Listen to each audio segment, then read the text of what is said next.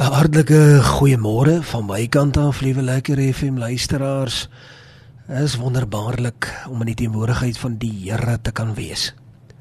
Wat 'n voorreg om stil te word hier op Lekker FM tussen 5 en 7 en spesifiek 06:30 tot kwart voor 6 om die woord van die Here te kom luister, om te kom oordink, te bedink, om stil te sit en te hoor wat het die Here vir my instoor.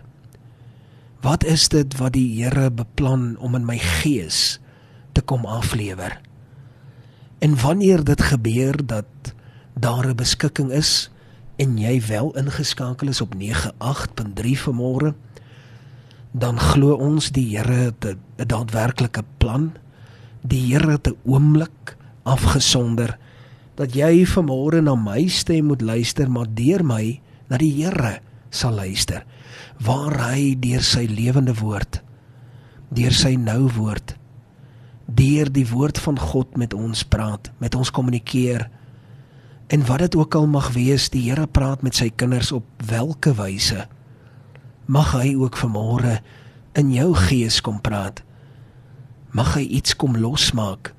Mag daar 'n geestelike saad ontkiem binne in jou gees op 'n wyse waarop jy dit nie eens verwag het nie.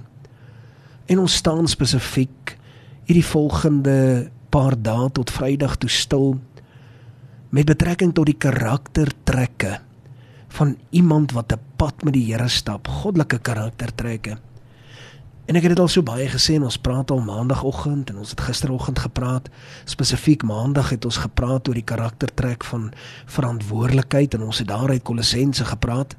Kolossense 23 spesifiek en ons almal ken die gedeelte immer gewild doen alles van harte asof vir die Here en dit is baie belangrik. En ons het ook deur beweeg daarna Galasiërs 6 vers 2 wat sê dra mekaar se laste. Wees altyd eerste om jou hand op te steek. Wees altyd die een wat sê ek sal. Moenie altyd die een wees wat terugsak nie. Wees die een wat sê ek sal. Steek jou hand baie hoog op vir die dinge van die Here.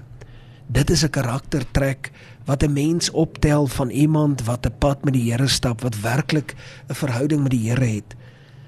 En wanneer ons hieroor praat, is dit ten doel om jou te inspireer, om jou te motiveer want ek wil graag vanmôre vir jou sê, liewe lekker FM vriend, ek staan alhoewel ek agter die mikrofoon sit vanmôre hier, is ek ook die een wat ook in hierdie ry staan. Ek weet hoe moeilik dit soms kan wees. Maar die belangrike gedeelte is om iewerste wel te begin. Om te sê ek is hier. Ek wil dit graag doen. Ek is hier om dit te doen. Ek steek my hand hoog in die lug op. Ek is eerste. Jy weet ek het juist die voorbeeld genoem van toe ek in die onderwys was. Was daar kinders gewees wat altyd eerste hulle hande opgesteek het as meneer gevra het Wie is bereid om vir my die asblik te gaan uitgooi? Wie is bereid om die papiere op te tel? Wie sal die klas uitvee? Wie sal die bord uitvee? Wie sal die rak wegpak? Wie sal die boeke mooi pak? En jy weet, dit is in die stilte waar jy as onderwyser jou witbroodjies versamel. En ek is seker wanneer dit kom by die dinge van die Here, is dit waar die Here dan nou ook sê, jy sal guns hê vir die feit dat jy ander se laste dra. Uit die woord van die Here is dit 'n kenmerk 'n goddelike karakter wat ek by mense gesien het by manne en vroue wat 'n pad met die Here stap. En ek wil graag vanmôre hier uit 1 Korintiërs 9 vers 26 en 27 lees en as ons tyd het graag ook daar na 1 Johannes 3 vers 17 toe gaan En ek wil graag vanmôre lees en ek wil hê jy moet saam met my lees. En ek wil hê jy moet jou Bybel kry. Nou ja, ons kan lees uit die Bybel uit hier op jou tablet, op jou selfoon. Ja, dit is alles goed en is mooi en as jy nie 'n ander keuse het nie, doen dit so. Maar ek is maar nog altyd daardie een wat die fisiese Bybel waardeer. En ek vat altyd my potlood en ek skryf die datum by. En ek merk dit, dit wat die Here met my praat, ek merk dit. Jy sal in jou lewenstyd nie jou Bybel vol kan merk nie. En dit is iets moois. Dit is iets wat ook oorerflik sal word. Jou kinders sal dit kry en hulle sal dit waardeer. Hulle sal sien hoe pa en ma, oupa en ouma met die dinge van die Here besig gewees. Kom ons lees daar uit 1 Korintiërs 9:26 en 27. En dan gaan ons saam bid en dan sal ek die volgende karaktertrek in jou midde kom los. En daaroor is ek nogal taamlik opgewonde. Hoor baie mooi wat sê hy hier, baie gewild. Hy sê ek hardloop dan soos een wat nie onseker is nie. Ek slaan met die vuis soos een wat nie in die lug slaan nie.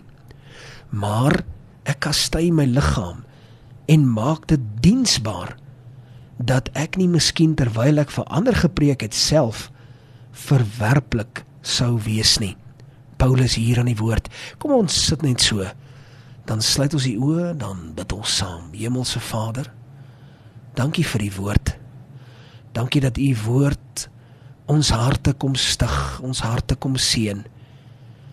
Dankie, dankie Here dat ons uit u lewende uit u rema woord kan hoor vanmôre. En kom seën ons daarin. Dis my gebed in Jesus naam. Amen. En amen. Liewe lekker FM vriende.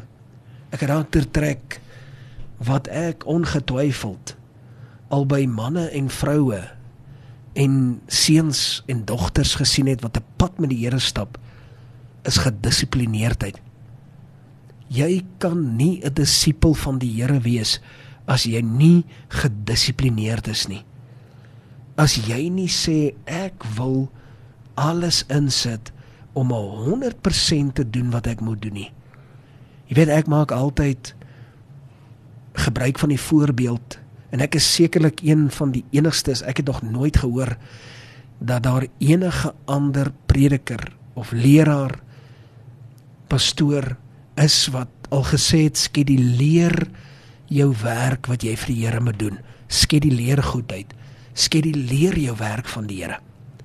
Ek is 'n groot voorstander van daai boek waarop die jaar se datum staan.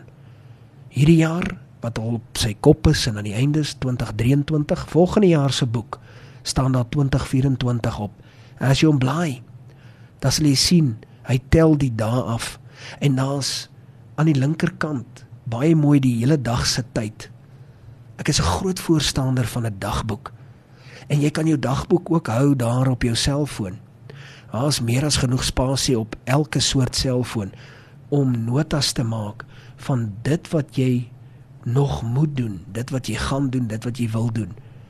En ek is 'n man wat sê wees gedissiplineerd met die saak van die Here. As jy veral omdat jy dalk 'n verdeelde aandag het. Jy werk iewerste. Jy het baie ander sake. En die saak van die Here is iets wat neergeskryf moet word sodat jy daarby kan uitkom en sodat jy dit kan lees en lees en lees totdat jy dit kon afmerk en sê ek het dit gedoen.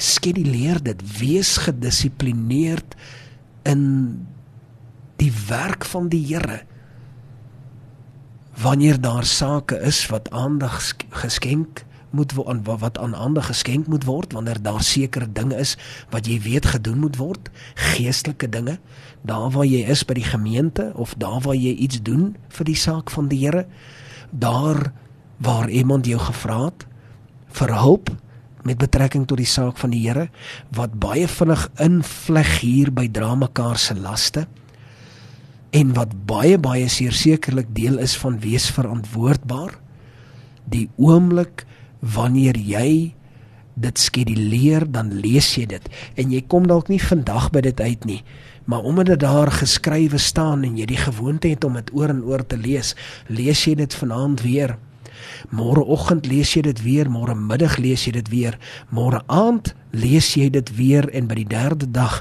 dan besef jy nou sal ek iets daaromtrent moet doen. Al is dit net die begin, al is dit dat ek net so lank 'n oproep maak ten bate van die saak wat ek vir die Here moet doen. Dit is dis gedissiplineerdheid. Vers 27: Maar ek kastei my liggaam en ek maak dit diensbaar, want baie maal is ons net nie in die by. Man as 'n mens nou die Afrikaans daarvoor sê ek is nie lus nie. want ek is moeg en ek is dit en ek is dat. Ek kastei maar my liggaam want ek doen wat die Here van my verwag. Ek doen wat die Here wil hê ek moet doen. Ek is gedissiplineerd. Daai vir my daarna 1 Johannes 3. Laat ek vir jou daar vers 17 lees. Hieroor is ek baie opgewonde. Hy sê hier maar wie die goed van die wêreld het en sy broeder sien gebrek ly en sy hart vir hom toesluit, hoe bly die liefde van God in hom? Liewe lekker FM luisteraars, hierdie is 'n saak waaroor ek baie passievol is en 'n karaktertrek wat ek soos 'n goue aar by die mense sien wat 'n pad met die Here stap is hulle almal het omgee harte. Het jy 'n omgee hart? Steek jy jou hand op en sê, "Yes, ek is daar en ek gee om." Ek kan dit doen of ek kan dat doen. Baie van ons sal sê, "Jong, nou hoe gaan ek dit doen? Ek het nie eens genoeg om dit te doen wat ek moet doen nie." My vraag aan jou is: Jy weet dat jy alreeds meer het as 'n ander persoon. Jy ken baie mense wat minder as jy het, wat minder bevoordeeld is as wat jy is. En dit is vir hom en vir haar wie jy kan besluit om by te staan al is dit op 'n geringe manier. Dit is die vrug van die gees. Dit is 'n omgee hart. Dis om te sê ek gee om. Ek weet die wêreld is nie baie passievol hieroor nie. Maar ek sal dit doen want die Here verwag dit van my. En hier sê Johannes dit letterlik by woorde. En as ons bereid is om te luister, dan sal ons ook die guns daarvan sien. Ek glo dat jy die vrug op jou arbeid sal sien. As jy genoeg gedissiplineerd is om iets te doen rondom jou omgee hart. Baie mense het 'n omgee hart, maar hulle het nie tyd nie. Hulle het net nie tyd nie. Daar is net te veel dinge wat in hulle lewe aan die gang is. My antwoord vir jou is: ek gaan jou ongelukkig nie losmaak van die feit dat jy moet doen wat jy moet doen nie. Al wat ek vir jou kan sê in raad is dat jy gedissiplineerd moet wees skrywe dit neer en volg 'n om te doen lysie. Skrywe ook sommer daar om te doen lys. En die oomblik wanneer jy daardie lys saam het, dan skeduleer jy jou omgehaard. Met ander woorde, wat dit ek vroeër gesê, skeduleer jou goed uit. Maak 'n doelbewuste besluit, skrywe dit neer en doen wat gedoen moet word.